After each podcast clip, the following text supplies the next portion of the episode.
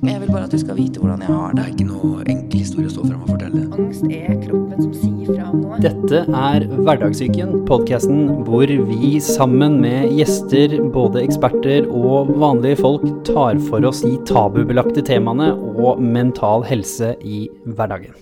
Velkommen. Så velkommen tilbake til Hverdagssyken til alle som hører på. Velkommen for første gang til deg. Hvem er nå du? Eh, ja, nei, jeg heter Henrik. Jeg er uh, Altså, det er jo en sånn rar tittel, da. Men jeg er en, en seniorforsker på Psykologisk institutt. Og så er jeg psykologspesialist da i Ullevål på avdeling for smertebehandling. Eh, så det betyr egentlig i praksis at jeg forsker. store deler av jobben min. Og så har jeg pasienter én til to dager i uka. Litt av hvert. Ja. Og så stiller du opp eh, åpent og fritt og villig her, holdt jeg på å si, som vi sa. Du stiller like åpent som meg. Egentlig bare med hodet ditt og åpen for en samtale. Ja, absolutt. Det er jo, dette er jo på en måte Jeg har holdt på med dette her i godt og vel siden Jeg begynte vel eh, sånn veldig seriøst med det i 2009. Så jeg har holdt på med det såpass lenge, så jeg burde jo klare å svare på meg i, i, i en eller annen form. da. Syns det. Og det vi skal eh, snakke om, det er jo da Det var derfor jeg tok opp notatene, for det er det eneste jeg trenger notatene til. Sånn at vi har det liksom oppe og nikker riktig. Behandling og forebygging av stressaktivering av, eller og, kroniske smerter. Ja. Jeg klarte det ikke med notater engang. Det er derfor jeg Ikke bruker notater. Men det er jo sånn ganske spissa felt. Det er derfor det også er en spesialepisode, hvor eh, lytterne da våre får lov å få besøk av sånne som deg, som kan litt og gjennomsnittlig mye om et eh, konkret tema, og så skal vi grave oss litt ned. Ja. Så ser vi hva vi finner eh, nede i boksen der av det du har erfart siden 2009. Men eh, før det så har vi jo lyst til å bli litt bedre kjent med deg, annet enn liksom tittelen og Ja, ja, og pizza, pizzavaner, holdt jeg på å si. Eh, matvaner, som er lydsjekk-spørsmålet vårt. Så hvis du eh, skal beskrive litt eh, hvor kom interessen fra psykologi fra, og hvorfor endte du opp med å, å utdanne deg som det? Nei, det er et godt spørsmål. Jeg, jeg var jo på Jeg tror jeg sa det til eh, faren min på ungdomsskolen. Første Altså av den gamle syvende klasse. At jeg ville bli psykolog. Ehm, og det var fordi at eh, jeg visste at eh, jeg var flink med folk. Enkelt og greit. Og det var det, var det mest humanitære eh, bruken av den, den egenskapen som jeg hadde. Og, og veldig mange i min kontekst støtta meg på det. Da. Jeg syns det var en veldig god idé. Hvordan visste du hva psykolog var i det hele tatt på den tida, på en måte? Nei, det var fordi at jeg har familievenner som er på en måte professor ditt og professor datt. Så det var jo, det var jo noen i, i, rundt meg, spesielt en av min fars veldig gode venner, er ganske, har vært ganske markant da, i, i samtalefeltet. Så jeg hadde jo gode rollemodeller.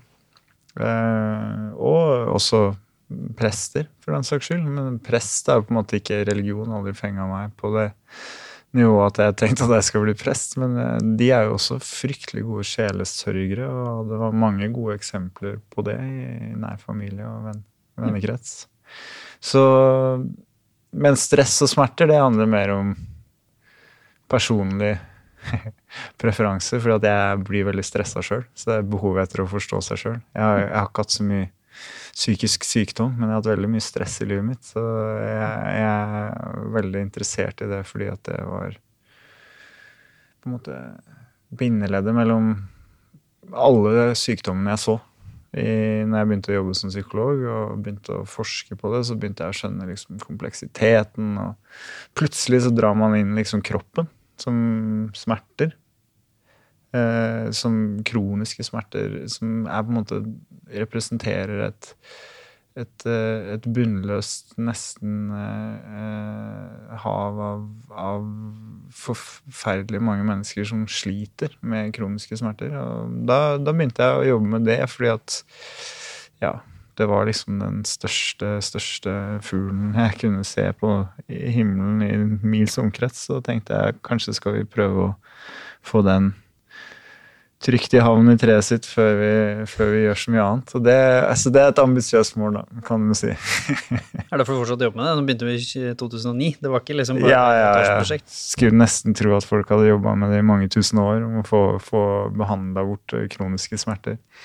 Men uh, jeg kommer jo inn i det fra en litt sånn Jeg ser jo det nå, både på instituttet og i media og alt, at vi, vi, nærmer oss en bedre forståelse av dette med dualismen. da, At, at, kroppen og hodet nødvendigvis må henge sammen, og at psykologiske faktorer har enorm påvirkning på, på somatiske plager. Altså det er jo, unnskyld fagtermologien, men kroppslige plager. da, altså Alt fra smerter til diabetes til kreft til, til, til uh, uh, Ja, you name it, altså så har det enormt stor betydning. Så, så, det jo, har jeg fått vært med på, da.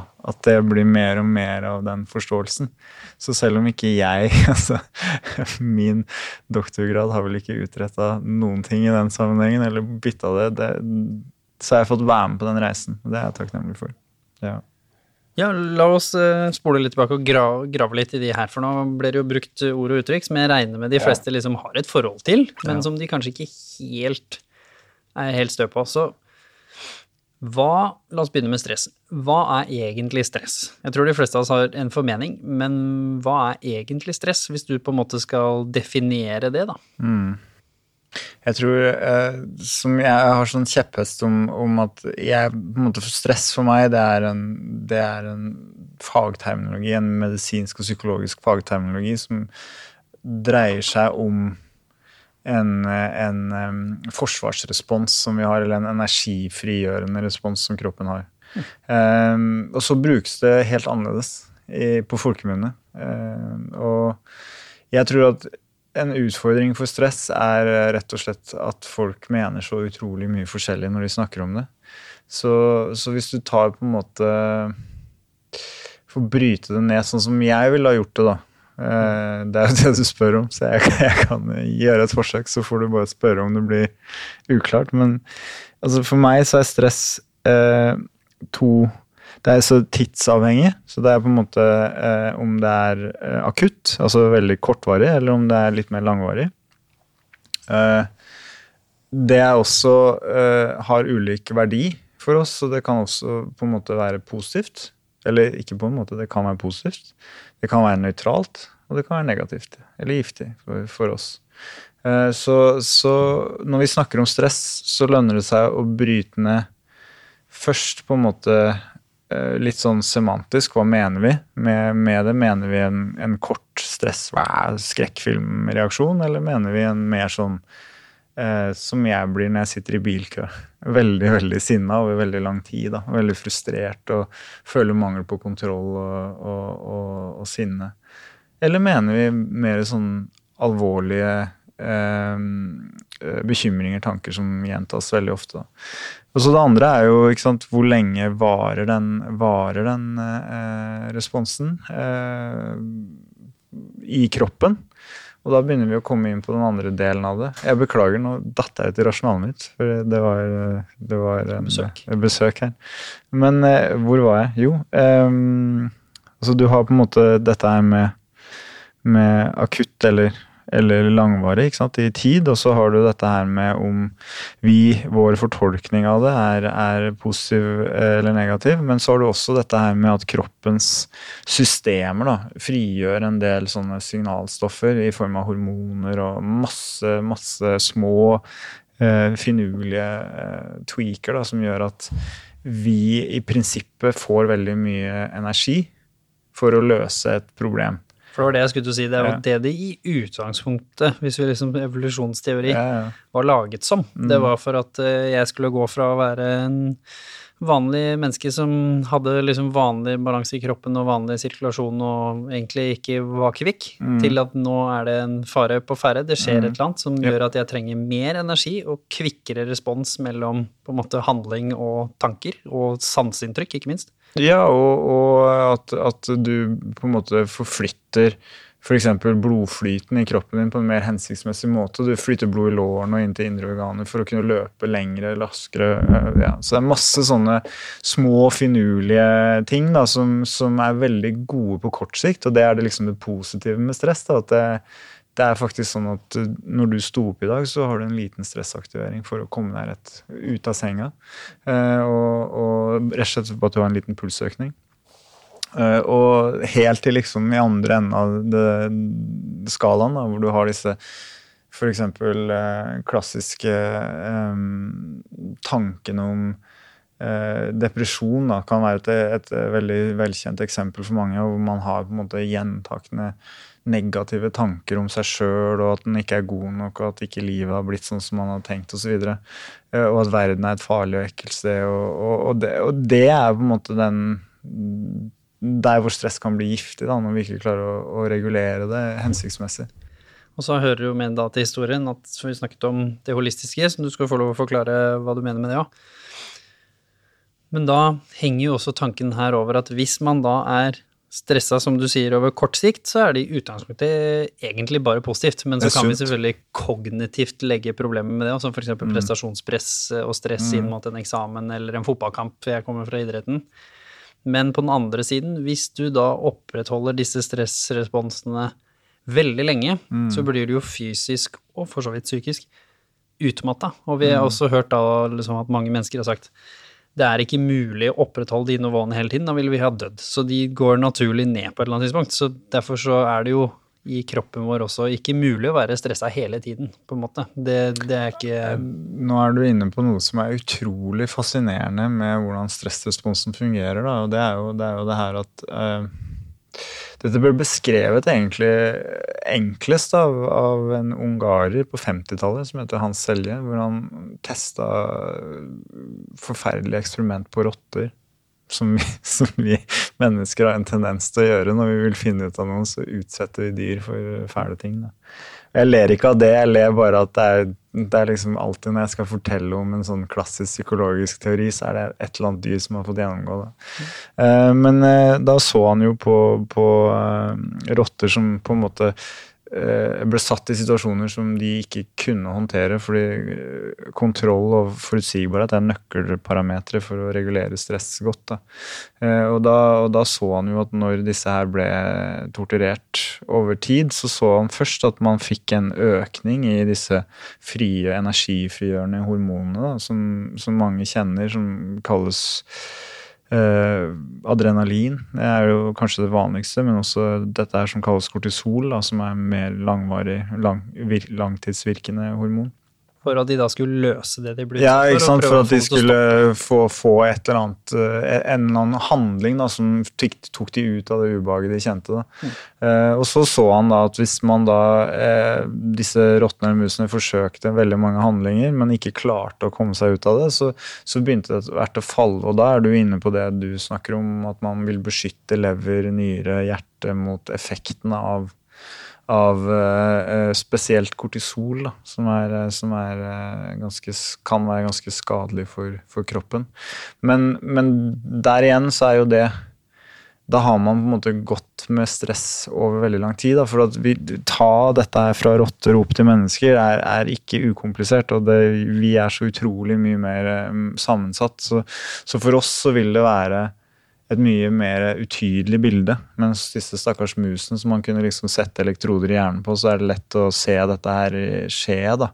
Og de har også kortere liv, kortere tidstemporal forståelse, så de, de, du kan prege de sånn på tid. Men jeg tror det Selje og mange andre har, har snakka om i etterkant, det er jo nettopp det at du har et mønster hvor du får en voldsom aktivering, som hun sier, men man klarer ikke å holde den, så man faller i aktivering. og da er jo på en måte den rådende uh, hypotesen, eller fagmiljøets liksom, tolkning av det, er at, at uh, det er for å beskytte oss mot skadevirkningene. Men jeg er um, jeg er ikke, tror ikke det nødvendigvis er 100 rett. da. Jeg tror det kan være veldig mye annet som er grunnen til at man faller sånn som man ser. da. Fortsatt mye vi ja. ikke forstår. ja, ja, ja. Jo, og så, så kommer jo da, liksom hvis vi skal koble dette litt inn, sånn som du sa, med det holistiske, da. Mm. Hva er holistisk? Jeg tror også igjen, alle har nok hørt det, men, Ja. men hva er liksom den konkrete definisjonen av holistisk og samspillet mellom Ja. fysisk og psykisk? Ja, ikke sant. Det, det, det, for, for folk flest er jo dette her litt sånn underlig at vi i medisin og psykologi har snakka om kroppen og hodet som atskilte enheter. da.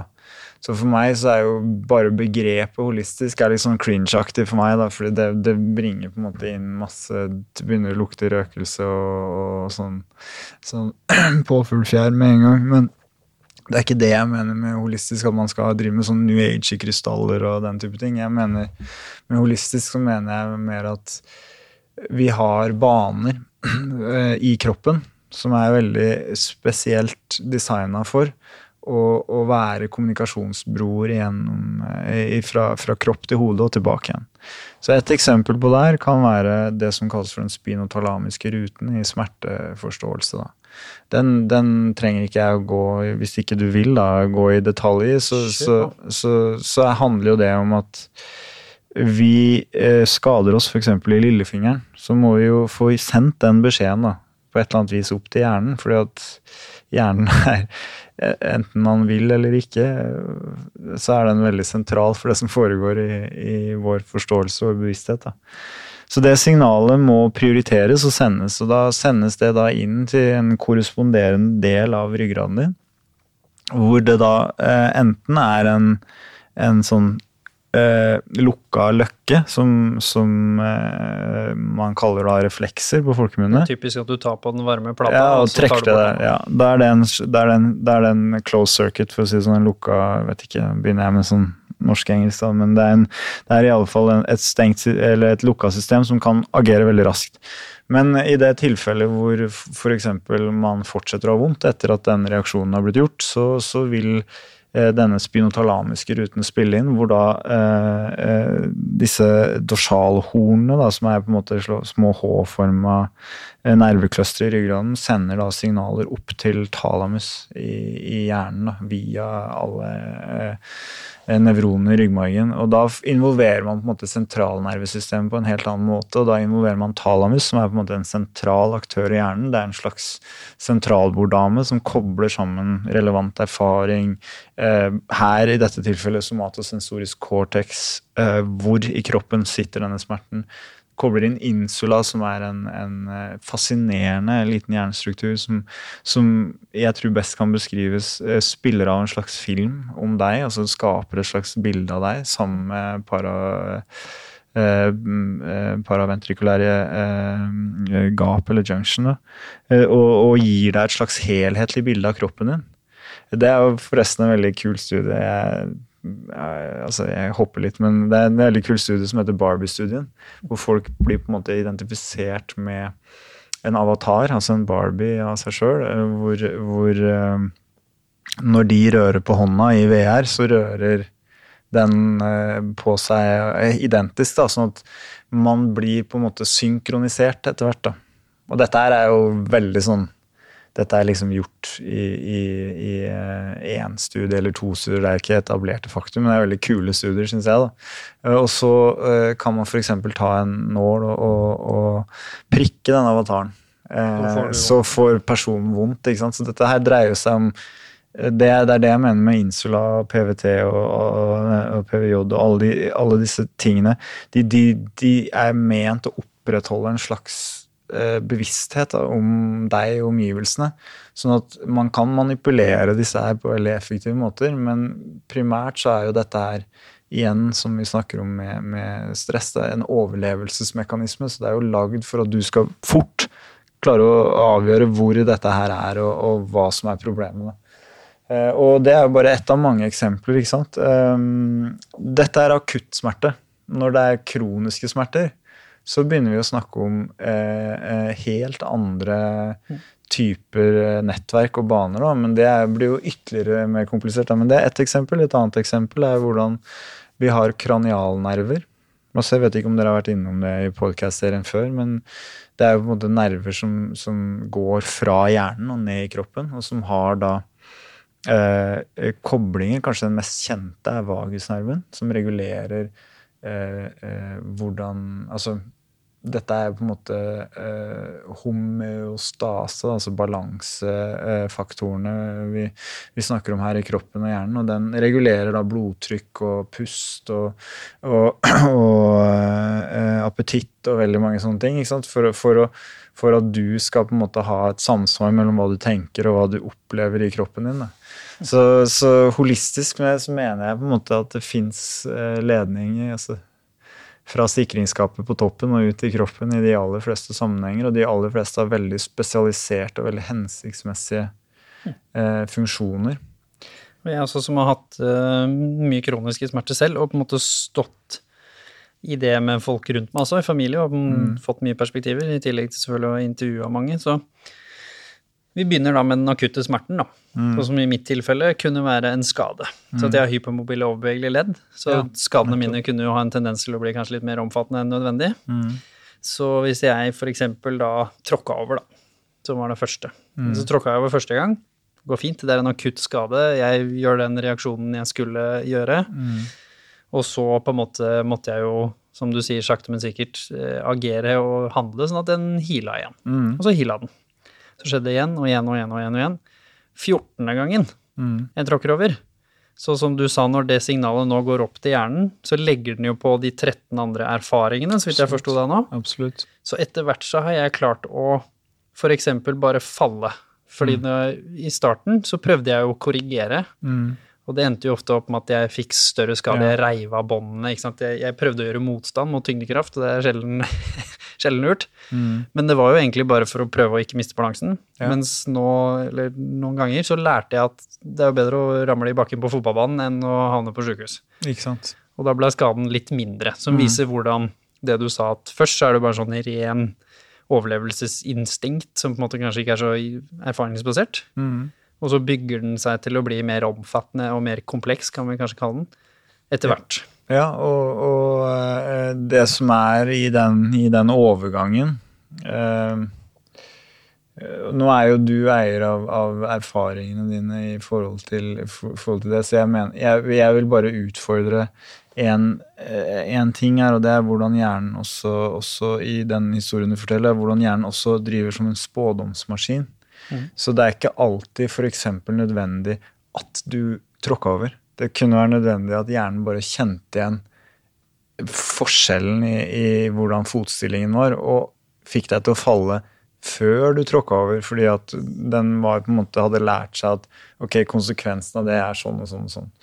Eh, jeg vet ikke om det om Jo, det nikker, litt eh, men, neste, neste punktet mitt ja. er jo når det da, som du sier, plutselig kognitivt kan skape situasjoner som ikke, ikke er der. Det første som du sier, er jo kanskje at jeg faller før jeg i det hele tatt tråkker over, og sånn ja. sett bare kan reise meg og, og fortsette. Hensiktsmessig på en måte. Det er jo fryktelig nøye, nyttig. Ja. Ja.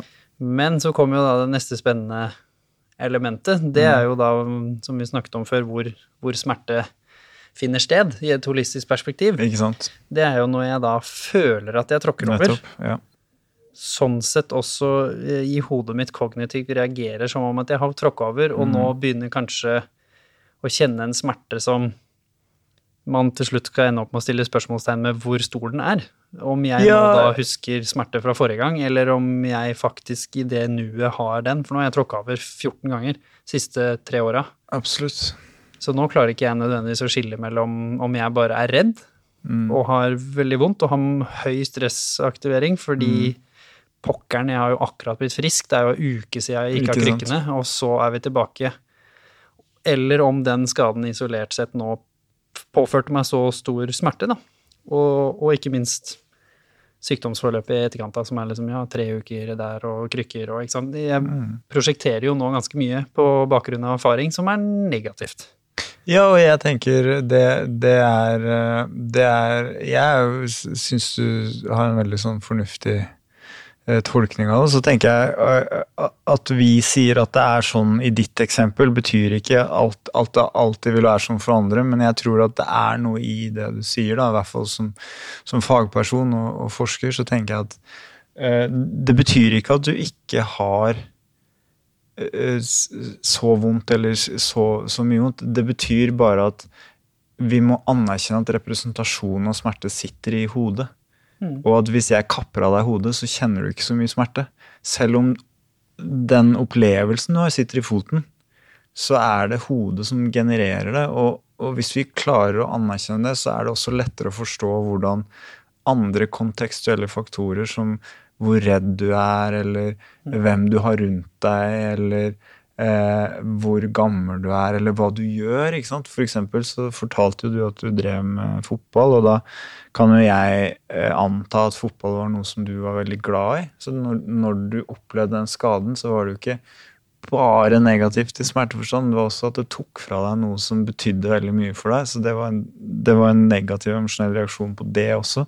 Sånn at, sånn at det er jo ikke sant, Det holistiske i det er jo nettopp det at man kobler på emosjoner og erfaringer og, og kognisjoner. Og det er veldig viktig for meg bare det da, i med å si at, at jeg jeg har fått veldig mange som blir sinte på meg for at de tolker det jeg sier sånn, så jeg er veldig var for akkurat det. da. Jeg sier ikke at det betyr ikke. Jeg tror på at du har så vondt du har det, nettopp Ja. fordi at det sitter i hjernen. Det er Og burde vi ikke heller bare si det? Ja. Altså min opplevelse av smerten der og da, uansett hvor kompleks helhetlig bilde av hva som fører til resultatet, som er den smerten jeg kjenner på, er jo den fortsatt riktig. sånn. Ja, den oppleves sånn. Den er helt riktig ut ifra din erfaring. Og derfor er smerte så vanskelig å diagnostisere og så vanskelig å, å tolke. Da, fordi, at, fordi at det er så individuelt. Det er helt opp til individet. Og vi skal være vi, Jeg som helseprofesjonell, andre jeg jobber med, vi er veldig opptatt av at vi skal være utrolig ydmyke overfor det. Vi skal legge fra oss ekspertrollen. Når det gjelder din smerte, så er Det det er du som som er eksperten. er. Ikke sant? Så jeg skal bare, hvis du, dette hadde vært du hadde kommet til meg med dette problemet, så hadde jeg prøvd å hjelpe deg med å, å definere konteksten din og hva du, hva du kan kanskje gjøre for å påvirke dette i positiv retning. Da. Ja, før vi går liksom inn i det, la oss liksom ta den, ta den videre. Selv om jeg ikke har notater, så har jeg en plan, vet du. Så, for det er jo det ene siden av bildet. er at, eh, og, og nå bruker jeg jo et eksempel som handler om gjentagelse av lignende ting for å spille på erfaring. Så det er jo ikke det at jeg sier at liksom, den enkelthendelsen liksom, prosjekterte jeg masse smerte. Det var jo fordi jeg hadde opplevd det før, og jeg hadde hatt alvorlige hendelser med det og var lei. Og samtidig, som du sier, det betydde mye for meg. Det var jo en karrierevei. det liksom Ja. konteksten av hvorfor det var viktig, var større. Mm. Og den store ryggskaden som, som jeg har snakket mye om, som skjedde i, i Singapore, som var sånn sett en mye mer alvorlig skade, og som en skade som gjorde at frykten var større i form av konsekvensene. Jeg knuste en skive i ryggen, som da også kutta jo store deler av, av nervebanen fra korsryggen, som du nevnte i stad, og ned i beinet. Ja. Så også smerteresponsen var jo sånn sett forstyrra. Eh, så du trenger ikke noe som går i dybden på det, men den var jo ikke helt eh, på stell heller, signalsystemet. Mm. Og da selvfølgelig eh, kommer vi også inn på noe som er litt sånn spennende ved å snakke om kroniske smerter, fordi jeg har hatt utfordringer hele tiden med alle ledd, fordi jeg har overbevegelige ledd. Så sånn sett så har jeg utsatt leddene mine for kanskje ekstra stor slitasje hele livet. Så sånn sett hatt smerter pluss-minus hele tiden, overalt, i forskjellig grad. Kanskje da hvis jeg skulle sammenlignet meg med et såkalt uh, menneske som ikke har overbevegelige ledd. Og så kommer du da til det punktet hvor den smerten har vart så lenge, for her kommer det spennende som du snakket om i stad òg. Min opplevelse av smerten i ryggen når ulykken skjedde, var jo ekstremt høy. Hvis jeg skal evaluere mitt eget liv, så er det den høyeste smerten jeg har hatt noen gang. Så det er min tid, da. Ja. Hvis vi skal bruke denne berømte skalaen som vi for så vidt kunne diskutert i en hel episode, tror jeg. Men min tid var den. Mm. Men så, før det, så hadde jeg også mye ryggsmerter. Mm. Så før det så hadde jo jeg en ti som var et annet sted. Mm. Fordi det er jo subjektivt. Så jeg ville jo sagt at ti på den nye skalaen min var kanskje åtte. Før den skaden så hadde det vondeste jeg hadde opplevd, var kanskje en åtter. På den nye. Så jeg flytta skalaen litt opp. Og så varer jo denne smerten veldig lenge, for det var jo også da en, en, en, en skade i nerver som tar mye lengre tid å gro enn enn gjerne da fysiske ting. Og så har jo jeg nå siden den gang, det er jo i 2014, det begynner å bli noen år siden, Mm. hatt denne smerten hele tiden, hver dag. Ergo da kronisk. Men selvfølgelig, hvor mye smerten har vært i, altså resultatet av smerten hele tiden, er jo forskjellig. Kommer an på. Om jeg har jobba for mye, har jeg hvilt nok, har jeg bøyd meg feil? Så kommer det sånne akutte spikes, som også er et sånn typisk mønster for mange med kroniske Absolutt. plager. Men det som er spennende nå, er jo at opplevelsen av smerten går jo ned over tid.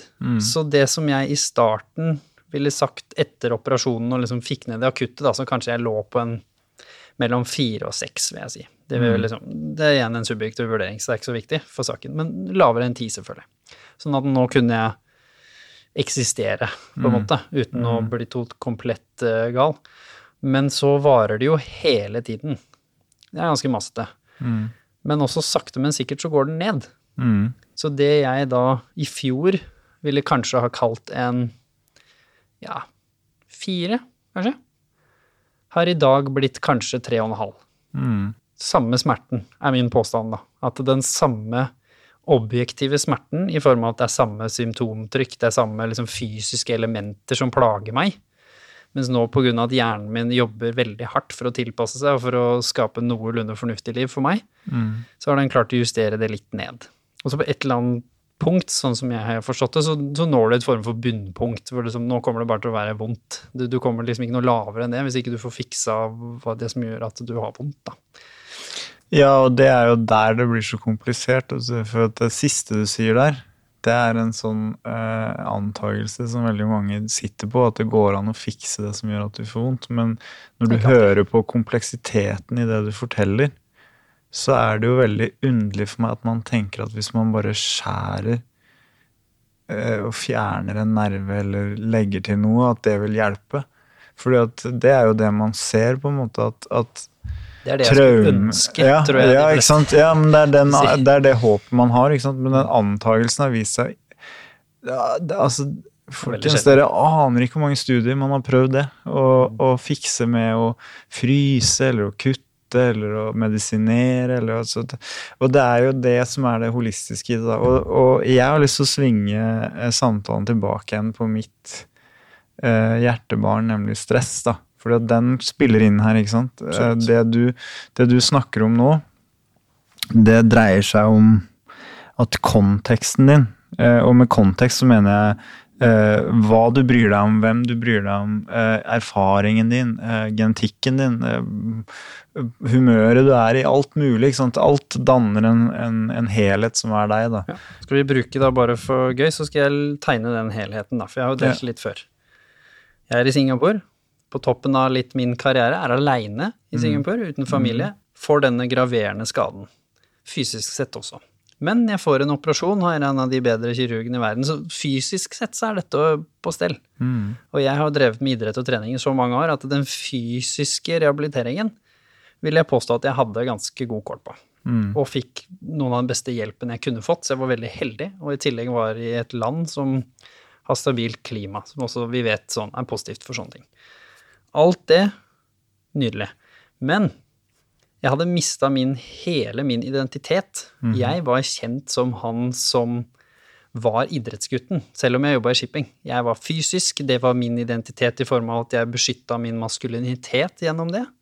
For jeg hadde jo blitt mobba liksom i hele barndommen for å kanskje liksom være litt for følsom eller snakke litt om mye ting, men alltid på idrettsbanen, der var jeg han beinharde karen som var liksom anerkjent også på det maskuline. Var fryktelig viktig for, for meg og min identitet. Og når jeg da ble fratatt muligheten gjennom denne skaden til å drive idrett, det var i hvert fall blant tingene som ble sagt i starten, mm. de fryktene som da ble spredd inn i meg, problematisk. Var alene langt borte fra familien, problematisk, og måtte mest sannsynlig tilbake til Norge. For jeg var jo i Singapore, i en karrierevei her. Så det er startkonteksten, på en måte. I tillegg, som du sier, genetikk. Der hadde jeg en genetikk som historisk var litt trøblete i form av ledd, ledd. Men også historisk grodde fryktelig fort.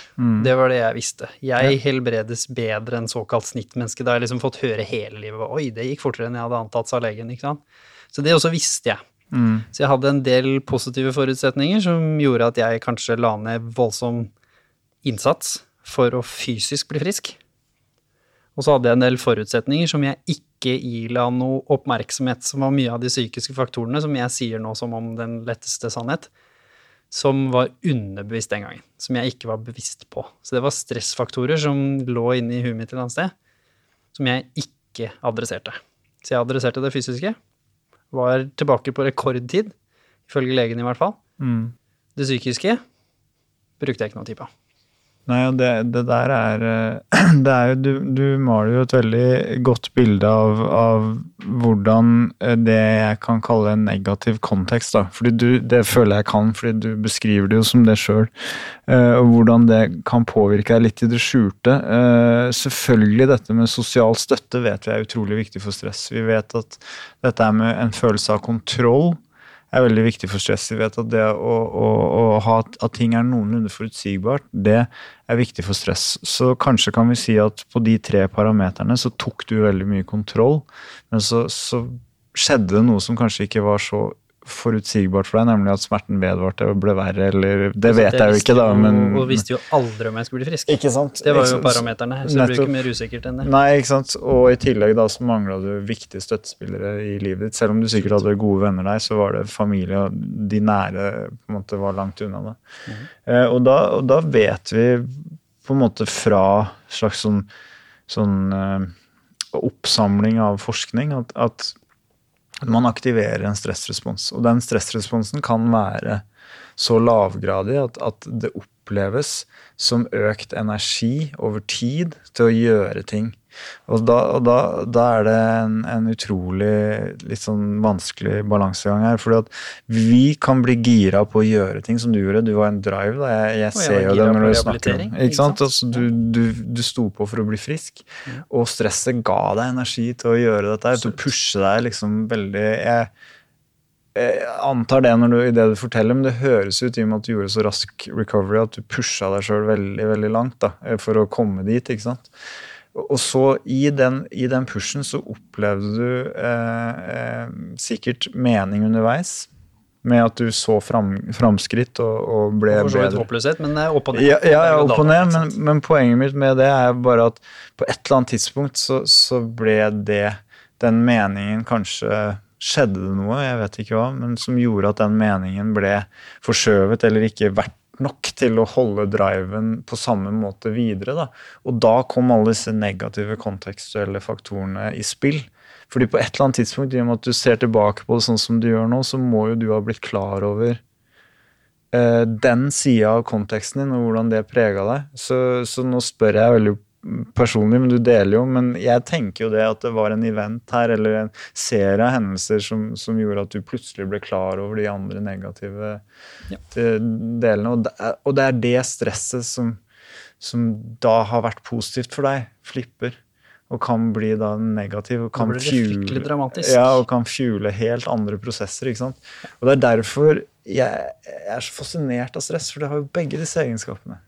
Er jo, er jo, det er jo helt, eh, helt vanvittig å, å prøve å forstå noe som er så kontekststyrt. Men jeg husker det veldig godt i form av det du beskriver, fordi som du sa i starten, så hadde jeg en drive. Jeg husker, altså, Nå ser jeg tilbake på og tenker liksom, hvordan klarte jeg det? Men det er jo som du sier, det er jo alle disse positive elementene som har satt i gang i kroppen. Jeg var veldig sånn, jeg skal bli frisk. Enda han sa rett ut at liksom, sannsynligheten for det, den er svært lav. For dette var i Singapore, så de er kanskje litt, Ja, de er litt mer direkte på, på statistikken. Så jeg Absolutt. fikk den litt sånn hardt i ansiktet, men mm, det motiverte meg nesten. mm, Og så hadde jeg den energien, som du sier, men med en gang den dippa litt, med en gang jeg liksom sakte, men sikkert kanskje begynte å se begrensningene i enden av tunnelen, når på en måte fremgangen hadde begynt å dippe. Og det gjør den jo alltid. I sånn, og det visste jeg jo òg, for jeg har jo kompetanse på det fra før. Men da kom det en voldsom negativ bølge, fordi jeg hadde jo ikke gitt denne siden noe oppmerksomhet i det hele tatt. Og da kjente jeg ekstremt på ensomhet. Jeg kjente på en forferdelig håpløshet om at jeg ikke skulle kunne tilbake til idrettsbiten, men jeg kjente også på en forferdelig følelse av at jeg var lei, på en måte, fordi jeg, som jeg beskrev, dette kroniske elementet med overbevegelig ledd for meg, som er jo egentlig en litt sånn fjåsesykdom liksom, mange, i manges øyne. Det er en sånn ting som du ikke kan se på folk, men som bare gjør at når jeg først skader meg, så skader jeg meg gjerne mer enn andre. Så det er egentlig liksom veldig skjult, irriterende sykdom. Som gjorde at jeg var lei av at sånne ting skjedde. Fordi det med ryggen var bare en lang rekke av masse små, kjipe ting som hadde hindra ja, min livskvalitet over tid. Og så på toppen kom det av at den nervesverten var borte. Men etter hvert når liksom treningen og sånn begynner, så begynte jeg også å skjønne at jeg kommer til å ha smerte her hele tiden. Som var f.eks. med at det var vanskelig for meg å sitte veldig lenge. Vanskelig å sove. og så begynner med, Men ikke sånn Det var ikke vondt nok, på en måte, til at jeg kunne overklage heller, som kanskje gjorde det vanskelig. Og jeg visste jo ikke noe om stress, sånn som du beskriver det nå, så jeg visste ikke at denne bitte lille irritasjonen inni hodet mitt hver gang jeg måtte flytte meg 15 ganger i løpet av en kinofilm, eller hvor jeg da måtte reise meg opp under et møte, eller liksom sånne ting som andre tenker jo ikke på det, sikkert. Nei. Mens jeg gikk sånn som du beskrev i stad når du satt i kø, konstant og irriterte meg og gjorde motstand mot den nye meg, på en Mm. måte, og mente at dette var urettferdig, selvfølgelig, som lå i bånn. Det, det det er jo på en måte en nøkkel her, da, at det opplevdes som, som ufortjent, urettferdig, ukontrollerbart og, og, og Og uansett hva jeg gjorde, veldig ensomt. Mm. hadde det ikke noe å si. Det var til slutt konklusjonen. Mm. Som da blir jo, som du sier, uforutsigbart. Hvor jeg tenkte at konsekvensen av mine handlinger fører ikke til resultatet lenger. Det er ikke et samspill Samsvar. mellom de to lenger. Nei, og det er jo ordrett det som er min på en måte eh, modell som jeg har jobba ut ifra hele veien med, med stress, er jo nettopp det nøkkeløyeblikket du snakker om der. Det, det ble formulert av Holger Skien og Hege Eriksen i, i, i 2004 og 2010. en- To norske forskere som får altfor lite oppmerksomhet for hvor betydningsfull den teorien har vært for mange. Da. Men de beskriver jo nettopp det at når det ikke samsvarer, mestringsforsøkene dine ikke, ikke samsvarer med det ønska resultatet eller forventa resultatet, det er da du begynner å komme i problemer da, med, med stressrelatert uh, regulering. For da begynner stressnivået ditt å, å ikke dempes. Altså man vil ha Det er det som er så fascinerende med det vi snakker om med disse musene og, og, og det du beskriver og sånn. Man vil jo ha stress. Og det er det som er så vanskelig å kommunisere noen ganger når jeg snakker med folk. Altså, stress er jo ikke negativt. Når det blir negativt, så er det jo fordi at det, det ikke har blitt regulert adekvat. Så det har fått lov til å være i kroppen. Blitt ilagt negative ja, ikke sant? eh, assosiasjoner, som f.eks. Assosiasjoner. jobbstress, prestasjonsstress, Det var, jo, det var nylig en, en, en eh, som jeg også var med på når jeg var i Boston og, og snakka om. Var, er flere sånne studier hvor man har vist at øh, hvis jeg tar deg da, og setter deg i en relativt ubehagelig setting, hva det enn er som trigger deg, da, øh, så, så kan jeg si følgende. I den ene situasjonen så sier jeg at du eh, må for all del prøve å unngå eh, at hjertet ditt slår sånn, og ikke tenke så mye på det du skal drive med. Prøv å holde det i bakgrunnen mens du gjør det, for det vil forstyrre det du holder på med. Eh, I den andre eh, betingelsen så sier jeg du, når du kjenner hjertet slå og det her komme, så får du energi. Det er kroppen din som løfter deg fram, bærer prestasjonen din opp. Bare den enkle beskjeden der har vist seg å regulere eh, hvordan blodårene trekker seg sammen og utvider seg i hjertet. Hvordan, hvordan pulsen oppfører seg, hvordan gledesfølelsen hos de som deltar, eh, er annerledes. Hvordan studenter gjør det på eksamen. Det var jo nylig et oppslag om det, jeg vet ikke om du så det, men det var jo en engelsk studie hvor de hadde lært noen studenter Jeg mener det var engelsk, men de hadde i hvert fall vist noen studenter denne her typen positive reframing. Og eksamensresultatene hadde jo fløyet i, i taket, så det er jo fascinerende, da, akkurat det der. Jeg har opplevd akkurat det samme selv. Jeg hadde en Han vet nok ikke at han var så betydningsfull, men jeg ble veldig stressa som ung, fordi for meg så var det veldig viktig med prestasjoner. Det på en måte bar mitt selvverd, som jeg snakket om veldig mange ganger. For jeg hadde et enormt behov for å vise at jeg var bra nok og verdt noe. Og selvfølgelig, det er jo veldig negativt assosiert stress, for da blir det jo veldig dramatisk, og konsekvensene blir jo enorme da, hvis du plutselig ikke skulle lykkes. Så da ila jeg jo det stresset mye negative assosiasjoner. Så når hjertet slo, det pumpa, tankene kom, så ble jeg veldig sånn å gud, dette går det, skeis. sant? Ja. Ikke sant? Det var veldig inne i huet mitt istedenfor i forberedelsene og de tingene. Og så var det en som sa at eh, som visste litt at jeg fungerte litt logisk. da, at det, en måte, Hvis du forklarer meg det, så, så skjønte han at jeg kunne ta det. Og han sa det samme som du sa nå. Når hjertet slår fortere, blodet går raskere i kroppen, så er det positivt. Det er bare at kroppen din sørger nå for at du er klar for den situasjonen du skal. For det er jo ikke en normal situasjon, det er kamp. Nå skal du på en måte vise ditt ypperste. Og da er det større sjanse for at du presterer enn hvis det ikke er sånn. Så han sa du burde egentlig være bekymra hvis hjertet ditt ikke slår fortere. på mm. Da er det noe gærent. Da må vi jobbe med motivasjonen din og andre ting, sa han, og så lo han. Og den tok jeg sånn voldsomt til meg, og da ble jeg sånn at Spesielt på prestasjonspress, da, eller om jeg skulle holde foredrag eller hva det var. Så når jeg kjenner den komme, så stopper jeg den på en måte på, på et sunt nivå, hvis vi skal kalle det det, fordi jeg anerkjenner at det er positivt, og da roer den seg. Så jeg ilegger den ikke nå et subjektivt negativ assosiasjon som gjør at hjertet går i overdrive igjen, og tankene spinner inn, og hvor det kanskje gjerne da kan føre til f.eks. blackout, som jeg selvfølgelig også opplevde da jeg var yngre, før jeg kjente på dette, eller forferdelige prestasjoner hvor jeg var superknytta, for å snakke om et holistisk perspektiv igjen. Og mange, mange eh, vil oppleve også det som kalles for vasovagal synkope, nemlig at du svimer av. Altså, for at eh, kroppen har jo masse beskyttelsesmekanismer. Jeg pleier jo å snakke om det med studentene mine, at du kan f.eks. Eh, alle tenker fight or flight, men det er også freeze og faint som er like, like relevante. Nemlig hvis du ser f.eks. Et, et dyr. Og dette her er ganske Jeg syns det er litt fett eh, på en måte, men det er også ganske brutalt. da, men altså man Rett før man dør, så skiller man ut massive mengder med, med, med smertestillende, kroppens egen smertestillende. Eh, og den her freeze-funksjonen også kan gjøre det, ikke sant? For at den, den er, altså Dette er helt sykt at jeg sier det på den måten, men det er noe det det står i litteraturen. da, Men den forbereder deg på at du kan bli spist. Eller bitt på, eller sånne ting. Så du, typisk hvis du faller fra stor høyde, så gjør den at du ikke skal kjenne så stor smerte idet du treffer bakken. Så, Ja, ja. så er det jo egentlig en overlevelsesmekanisme. Ja, det er jo det, men det er jo på en måte litt sånn rart å si til folk. Men, men det er jo akkurat det det er den kompleksiteten igjen. Da. Det er den nyansen i det vi opplever.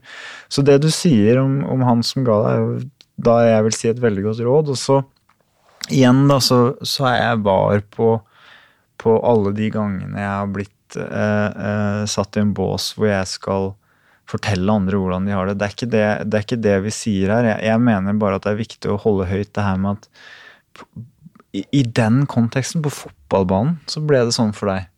Men det er ikke sikkert at det hadde funka like godt i en helt annen kontekst. Eksempel eh, eh, hvis du skulle kysse en du var nyforelska i, da, så er det ikke sikkert at man hadde tolka den der pulsen og det der greiene som, som Eller man var usikker på om man likte at, at det kanskje det var en sånn Og dette skal gjøre meg i stand til å kysse henne helt fantastisk bra. ikke sant? Det, det, så det, poenget mitt er bare at, at det er kontekstavhengig også. Det har jeg forresten vært med å teste da, med, med i Bergen, hvor vi, hvor vi hadde studenter hvor vi, hvor vi, sammen med Hege Eriksen, hvor vi så de skulle løpe og ta VO2 maks, og så sa vi på en måte til én gruppe at du gjorde det helt fantastisk. Du er liksom lang, lang, Dette var idrettsstudenter, så det var viktig for dem. Du er på en måte langrennsutøvernivå, bla, bla, bla. Eh, mens de andre var jeg sånn ja Ok. eh, ok. Og så skulle vi se om, de, om det påvirka hvordan de presterte i etterkant. Da, det, da fant vi at det generaliserer ikke, f.eks. Altså det, det at man mestrer noe på én arena, er ikke, er ikke nødvendigvis Ofte så gjør det det, men det er ikke nødvendigvis sånn at man trekker det med seg i andre settinger. Og for meg så var det jo litt det med Og grunnen til at vi sier det, er For meg er jo ingenting svart-hvitt, det er jo viktig å si, men bare min forståelse av det, og at jeg aksepterte Ja, den sannheten om at det først og fremst er en positiv reaksjon, gjorde jo også at jeg vil si at jeg oftere håndterte det bra. Men det betyr jo på ingen måte, som du sier, at jeg alltid så på det som noe positivt. Nei. På ingen måte. Men det, det, er, det var en veldig dramatisk forskjell. Jeg For skjønner meg. det. Jeg skjønner det, og jeg tror det er, det er også det jeg på en måte vil si, fordi det er sikkert mange som hører på oss som, som ikke har fått til det med stressregulering så godt for seg sjøl, eller smerte for den saks skyld. Og jeg har jo jobba på smerteklinikk i ti år med de aller vanskeligste pasientene. Og jeg kan jo sitte her og, og altså intellektualisere rundt det, men jeg ser jo også hvor enormt, sant, som du beskriver veldig godt, da, hvor enormt eh, langvarig den motivasjonen må være. Fordi at du kan ta det jeg sier nå, og så bruke det hensiktsmessig, men så faen, unnskyld. Eh, så, så, så kommer smerten tilbake igjen. Yep. Etter 14 dager igjen. ikke sant? Hva gjør du da? Jo, da må du hente deg opp en gang til. Og det er der jeg tenker at vi, vi som kultur og, og mennesker eh, i, i vår forståelse av verden har veldig mye å hente i det å, å gjøre nettopp det du snakker om. Akseptere og, og, og Med aksept så mener jeg at man, man er villig til å til å fortsette å prøve med den smerten som man har. da, mm. Selv om den dukker opp på nytt igjen. og, og alle de tingene, At man, at man klarer det perspektivskiftet og se nå er jeg nødt til å gjøre nå er jeg vondt, nå er jeg nødt til å gjøre noe jeg virkelig bryr meg om. Istedenfor nå er jeg vondt, nå er jeg nødt til å isolere meg, trekke meg unna og, og tenke over hvordan jeg skal bli bedre. Fordi det er den katastrofetanken om at smerten aldri kommer til å bli bedre. At smerten aldri vil forsvinne det er den som trigger stresset igjen. Og da er man den onde sirk sirkelen. Men det er jo litt sånn spennende også på, som vi sier da, fordi det er jo selvfølgelig forskjell på hva slags type skade. Sånn som den skaden som jeg har hatt, har jo hatt fysiske følger. Jeg vet mm. mange der ute. Fibromyalgi, som er jo en sånn stor ball hvor man også kaster mm. mye mennesker oppi, med muskel- og leddplager som man kanskje ja, ja. ikke helt har forstått enda, som er veldig kompleks, og mm. alle pasienter inni den har jo omtrent uh, helt unike symptomer. Mm. Men det er også viktig å, å si at det er veldig forståelig hvordan man havner der. Jeg fortsatt i dag mm. har veldig mange ganger hvor det irriterer livet av meg, hvor jeg har veldig vondt, og hvor det nesten er vanskelig å i det hele tatt funksjonere, hvor jeg mm. sliter med tankene, jeg klarer ikke å konsentrere meg. Og det har jeg litt for lite kontroll over, på en måte. Det er sånn mm. It's just a bad day, da, som kanskje mm. mange sier. Mm. Og det er viktig å anerkjenne at det er helt greit, og kanskje det vanskeligste med det, som jeg sa i stad, det er det at ingen ser det. Mm. Og når du da assosierer det bildet du har av deg selv mm.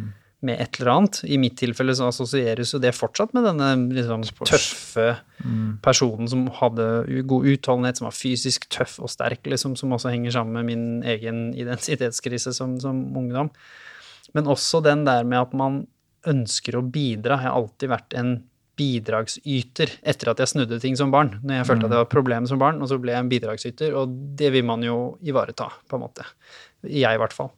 Så mange de da som har blitt ufør, og som, som sliter med den biten, som jeg også kjenner veldig mange som har gjort, der kommer det jo et tilleggselement som er hvordan andre ser på deg. Fordi kanskje du selv føler at du har et ganske ok, godt liv. Du mestrer smerten. Du føler at du egentlig har gjort det du kan, mm. Eh, og at du har gjort en god innsats. Og det er jo antagelig også sant. Men du føler fortsatt at andre ser på deg som en mislykka person, fordi mm. det henger ikke sammen med det bildet du hadde før, eller det bildet andre hadde av deg før. Du var den som og det er jo den typisk burnout-kategorien, eller kategorien med noen som har fått en yrkesskade, sånn som f.eks. med meg med ryggskaden. Og så går man fra et ideal til et annet, og da får du liksom det på toppen av smerten. Og da, liksom som jeg snakket om før, eh, da, da sklir man jo også inn og identifiserer seg med skaden også. I tillegg kanskje du har hatt en liten kamp på toppen her mot systemet. Jeg skal ikke undergrave det i Norge. Det er jo mange som må. Mm.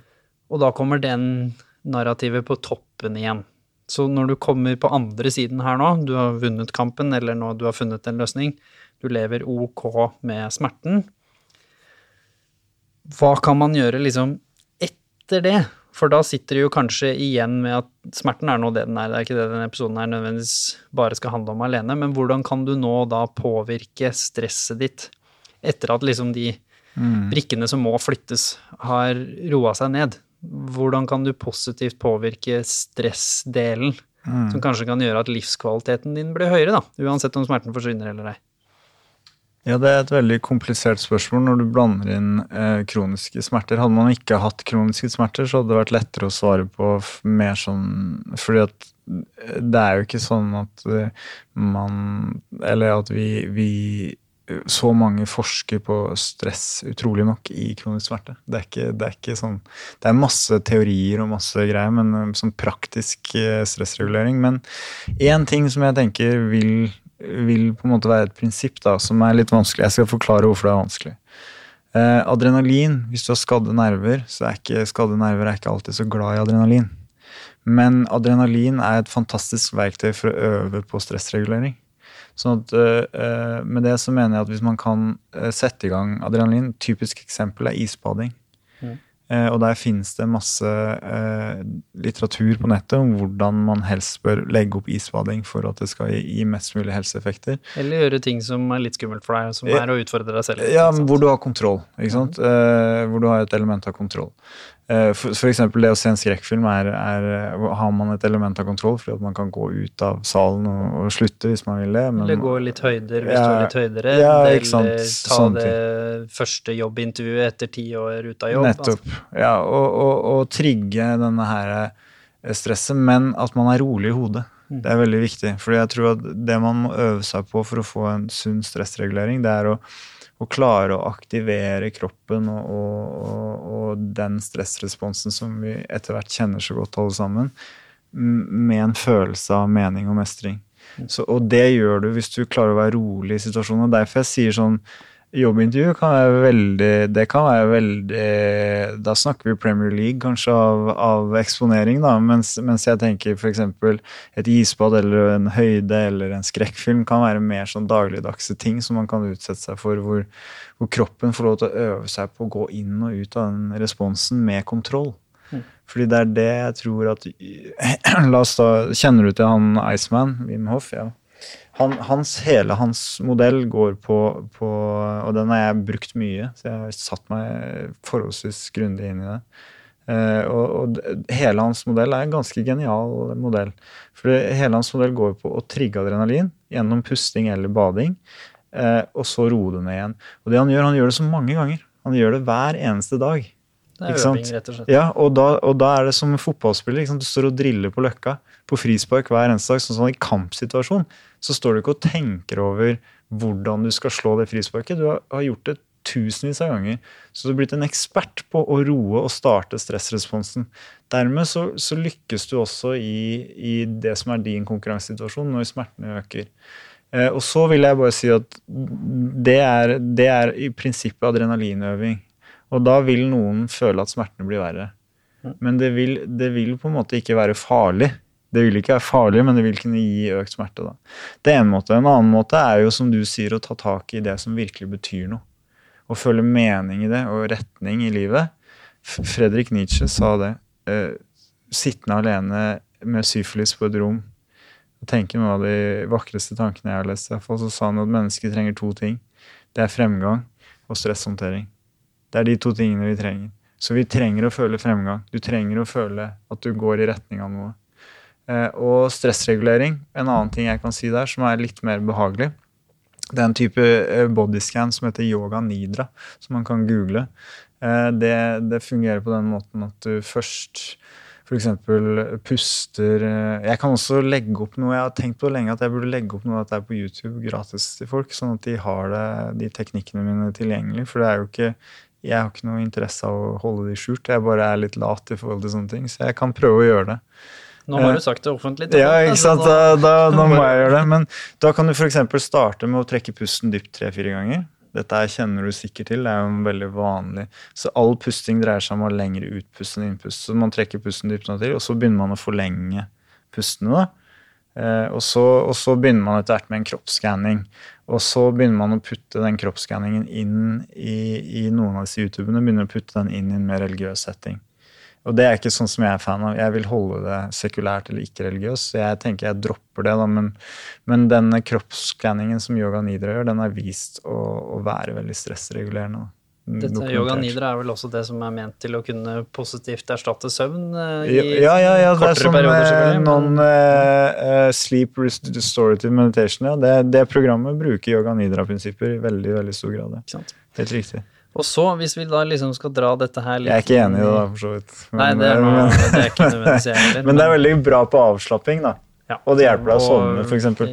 At man kommer seg Ja. etter tøffe perioder. Enig i det. enig i det. Ja. Men også hvis vi skal dra dette inn litt inn i, i, i vanlige hverdagskontekster også, hvor man kjenner på ikke nødvendigvis masse fysisk eh, regulert smerte som kommer fra noen kroniske smerter, men Mm. at man kjenner på det som kalles litt mer kroniske stressymptomer. Mm. Typisk føler at du har for mye å gjøre og ikke strekker til, eh, om det er på jobben eller om det er studiet blanda med jobben, som kanskje er en sånn 50% av oss føler på på en måte til enhver tid. I den konteksten, hvis vi skal bruke det samme parameteret, Altså, du står rett og slett i en situasjon som du subjektivt vurderer at her er det for mye. Så det er som du sier, du mangler forutsigbarhet, du mangler kontroll, eh, og du føler antagelig ikke så mye mestring og midt oppi dette heller, fordi det er rett og slett bare for mye. Uansett om du er flink i alle oppgavene. Kan jeg også påpeke noe med den situasjonen du sier der? At det er også det tredje jeg sa, om sosial støtte. Det er det som skremmer deg i den situasjonen. fordi det, det syns jeg var en sånn nøkkel for meg når jeg, når jeg jobba med stress. Det var at hvorfor blir mennesker så redd av sånne ting? Jo, det er fordi at vi blir utstøtt av flokken. Ja. Og det er det farligste vi kan tenke oss. Så det er faktisk livsfarlig for oss å ikke prestere, for da blir vi ikke godkjent av vårt sosiale hierarki. Og det er en nøkkel for, for, for min egen del å forstå de situasjonene. Hvorfor det stresset er så utrolig vanskelig å, å Så føler du deg jo gjerne fanget hvis Ja, du da har mer enn én arena. Typisk jobben, hjemmebane, forholdet, frivillig Mm. organisasjonen, idretten. Altså, med en gang du begynner å kompleksgjøre dette bildet, da, når du har mange arenaer du må prestere, men Mm. Også, som du sier, mange flokker, mm, som du isolert sett mener at hvis jeg ikke presterer på den arenaen, så er jeg utstøtt. Så hjernen din vil jo nå automatisk bry seg like mye om alle utstøtningene, på en måte, så du, du vil prøve å lykkes Helt på alle riktig. arenaer, da. Og det ser vi, det har jeg gjort egne studier på, hvor vi ser at nettopp når den type konflikt oppstår, da blir stresset veldig fort skadelig. Farlig, farlig da. Føles jo Eh, håpløst. Jeg kan kjenne meg igjen selv, enda jeg føler meg ganske god på stresshåndtering. Men når det bare er for mye, og du allerede vet når du begynner dagen at det jeg har på lista mi i dag, det kommer jeg ikke til å rekke. Mhm. Så liksom, og det er ikke nødvendigvis en subjektiv oppfatning engang, det er en ren sånn Det Mhm. bare Det går ikke. Tiden går ikke opp. Og så i tillegg nå, da, hvis det skjer noe uforventa nå, så er du ekstremt sårbar. Mm. Hvis eh, denne episoden nå går et kvarter over tida, eller plutselig noen kommer inn med en viktig e-mail, eller det skjer noe, eller at eh, Ja, ikke sant, som utsetter den allerede Mm, pressa timeplanen din, mm, med, som du sier, dette forventningspresset på toppen og voldsomme konsekvenser hvis du skulle begynne å feile her, og Mm. ting begynner å rakne, så føler jeg at vi veldig lett sklir inn i det motsatte av det som hadde løst det. Det som hadde løst det, hadde jo vært at vi vi bruker alle de flotte triksene i boka. At vi satte opp denne flotte to do-lista, vi prioriterte lista, så vi tok det som var viktigst først. Kanskje krydra det litt med noen enkle mestringsoppgaver imellom. ikke sant? Her snakker vi om alle de der flotte teoriene som du kan lese i ei bok. Og så hadde du gjort så mye som du kunne den dagen, og så når du gikk hjem da, så skulle du naturlig nok være så fornøyd som du kan være, for hva mer kan man gjøre? Men det klarer vi jo ikke. Og ikke så mange av oss, i hvert fall. Ikke hver dag. Og så ender vi da opp med at vi tenker dette, vi slår oss litt eh, ned underveis. Vi blir veldig frustrert når det kommer uforventa ting, og kanskje lar den stresset gå litt utover andre også. Om det er kjæresten din, eller kollegaen din, eller veldig sånn ufortjent, hvor det sånn, kommer en sånn utblåsning. Og ikke minst søvn. Det er vanskelig å sove når du har sånne dager. Og Absolutt. da Lykke til, da har du jo balla det til det for deg sjøl. Hva gjør man da? Nei, altså, jeg tenker jo um, Det er klart, det første er at en sånn type belastning i en kort periode er ikke noe problem. Er, du og jeg kan kalle oss relativt unge enda, Eh, så for oss er ikke det en sånn periode med mer belastning et problem.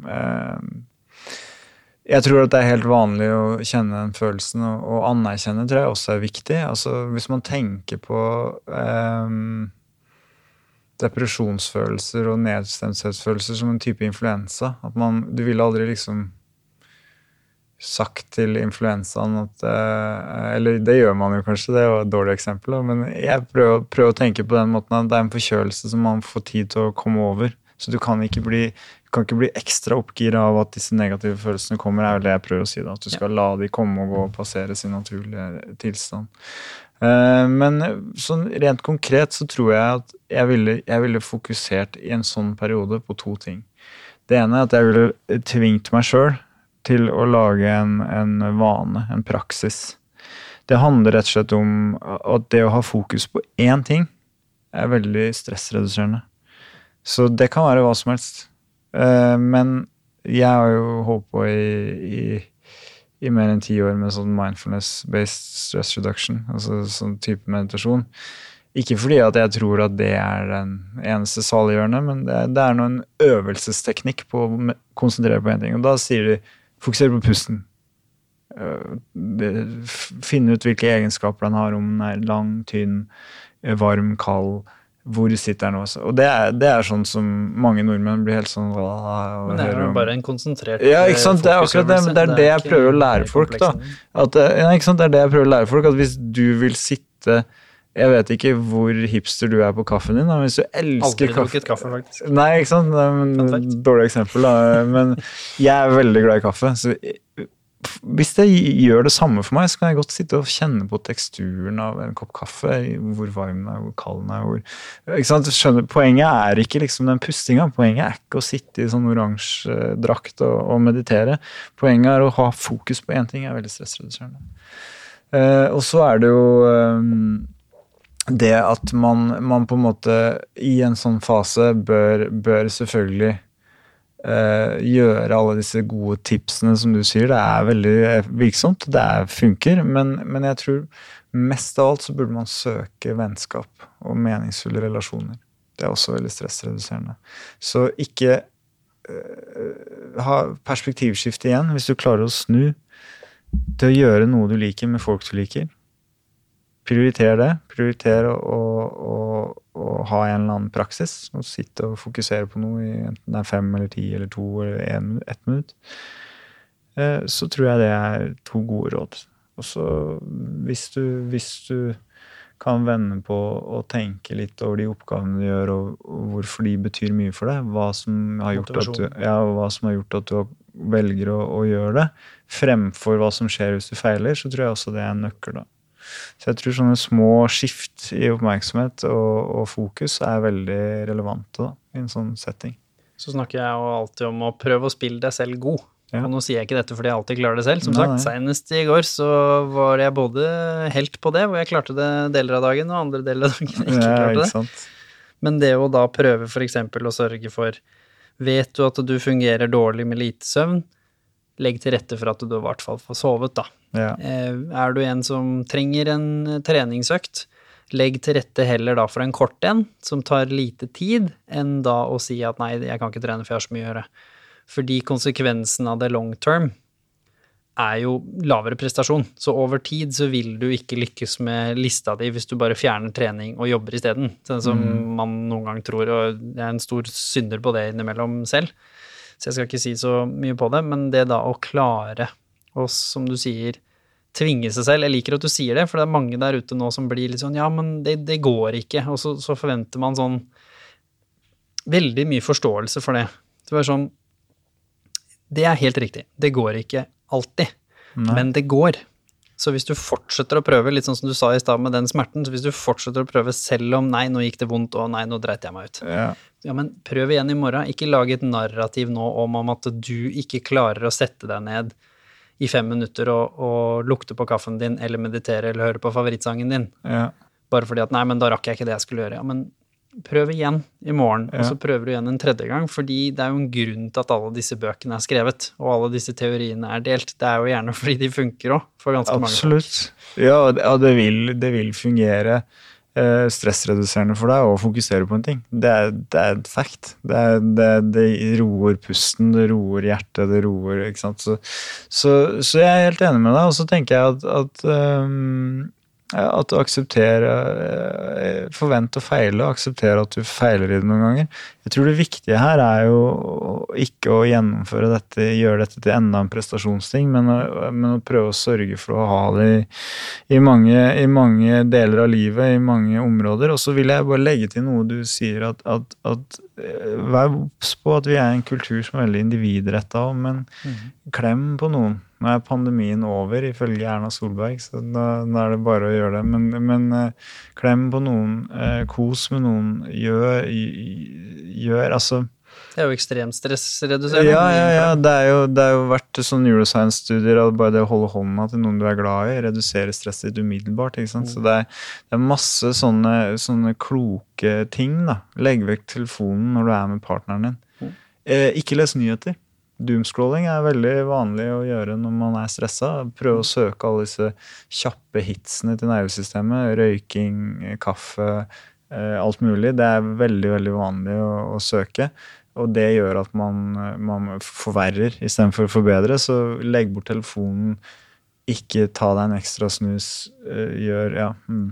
Noen sånne valg er veldig gunstige. Og det tror jeg var liksom en fin måte å runde av på med det vi snakket om i stad, med liksom programmering da, av narrativet som du bærer på. Ja. Det å tørre å utfordre det. Jeg husker første gangen jeg turte å utfordre narrativet om min egen kroniske smerte. Veldig skummelt. Og jeg turte da å innrømme at jeg er ikke Jimmy Vesterheim som alltid kommer til å ha vondt i ryggen og alltid kommer til å være hindra, for det var narrativet mitt før. Jeg er Jimmy Vesterheim som veldig ofte kommer til å ha vondt, og som av og til kommer til å være hindra. Og så åpna det plutselig den lille gløttet på døra som gjør da at de få gangene jeg kanskje har en, en god dag, og, og det er jo titt og ofte, kanskje da blir en god dag, istedenfor at jeg da allerede har lagt premisser som gjør at nei, jeg, jeg sier ikke ja til den, fordi det, det går jo alltid skeis med min rygg. Så tør jeg heller være mer til stede og, og prøve litt, og så kjenner jeg litt, og så må man selvfølgelig ikke være dum heller hvis man har masse kroniske smerter og liksom gjøre noe som sender deg på sykehus. Så det er, det er jo meg i et nøtteskall med min ADHD, det kan jo skje, skje tid og ofte. Så det å tørre å utfordre seg bitte lite grann på et narrativ, spesielt etter at det har roa seg, som jeg snakket om med kampen mot systemet og liksom alle disse tingene Når de tingene har roa seg, og du føler at nå har jeg litt kål på hvor livet mitt skal bære hen, uansett om det er som ufør da, eller om det er som prosentvis eh, nedsatt funksjonsevne, Ja. eller hva det skal være. Tør nå, etter at det har roa seg, for jeg anbefaler ikke dette midt oppi, fordi da har du nok med å, å komme deg gjennom ting, og utfordre det bitte litt. Bare sett døra på gløtt. Og så ser du om du inn den døra kan ta med de konkrete liksom, forklaringene som vi sa i stad, som for meg var noe enkelt som stress, eller når pulsen øker, er positivt. Og så putta jeg det på, på døra. Og så, var, så sa det til meg selv, hele tiden. Og sakte, men sikkert, sånn som du sa da, når jeg øvde litt, og når det kom, da, dette stresset, og jeg kjente pulsen øke, og begynte, det begynte å bli ubehagelig, så klarte jeg sakte, men sikkert å minne meg selv på det, og med en gang jeg klarte å regulere det, så til slutt, nå er det så out there at nå gleder jeg meg. Fordi nå som jeg har mista idretten, så har jeg fått foredrag, podkast som det her. Altså steder hvor jeg vet at det er live, da. For det var jo det idrett var for meg. Det var liksom det ultimate mulighet til å vise meg frem. Du kan ikke prøve igjen. Enig. Og det har jo nå da gjort at jeg gleder meg til det, sånn som du sa i stad. Nå har du plutselig en positiv mening, istedenfor at jeg tenker sånn å herregud, enda et foredrag.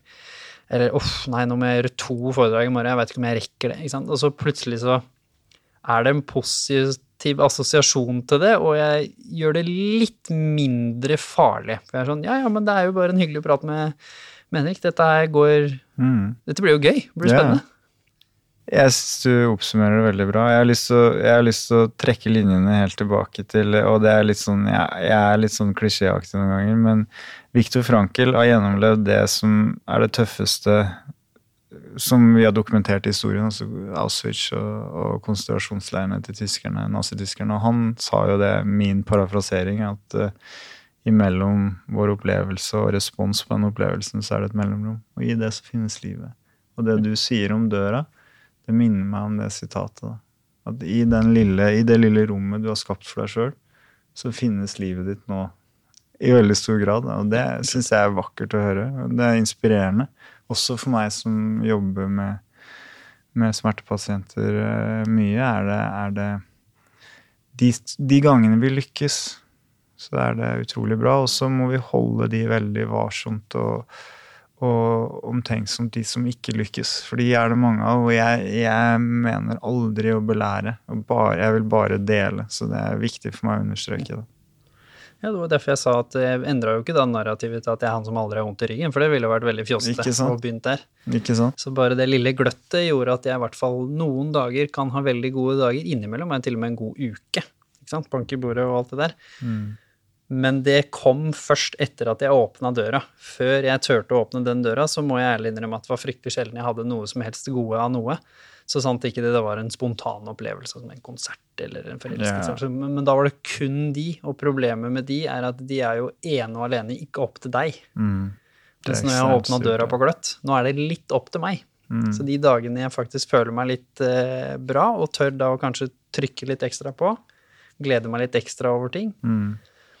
Da går jeg liksom og legger meg med en litt sånn hypa, positiv stressfølelse hvor bare 'dette var litt gøy', det var en bra dag. Selv om jeg har antagelig hatt like vondt i ryggen i hele dag som jeg hadde i går. Men i dag så har det vært så mye annet spennende oppi det krydderet som har gjort at jeg har ikke tenkt så mye på den smerten som jeg hadde da. kjempebra. Det er jeg oppriktig glad for å høre. Tusen hjertelig takk for at du kom. Dette var fryktelig lærerikt. Her, var, her ble vi liksom ordentlig svingte godt nede i fagboksen og rota fram noen ord som ikke jeg tror de fleste av oss eh, er bevandra i til vanlig. Mm. Satte jeg veldig pris på. Takk for det. Jeg følte kanskje at vi, folk må nå skrive til oss hvis det blir for mye dypdykt. Så skal jeg prøve å, å svare på det. Tror folk syns dette var eh, spennende. Du gjorde i hvert fall det. Håper det. Tusen hjertelig til alle som hører på. Husk å dele episoden som alltid, fordi du veit aldri hvem som kan ha godt av det her. Som sagt, mye av disse kroniske smertene er usynlige, så det vil si at eh, det kan hende at du har noen rundt deg som går og bærer på noe som du kanskje ikke vet, og en smerte som dette kanskje kan være nyttig for.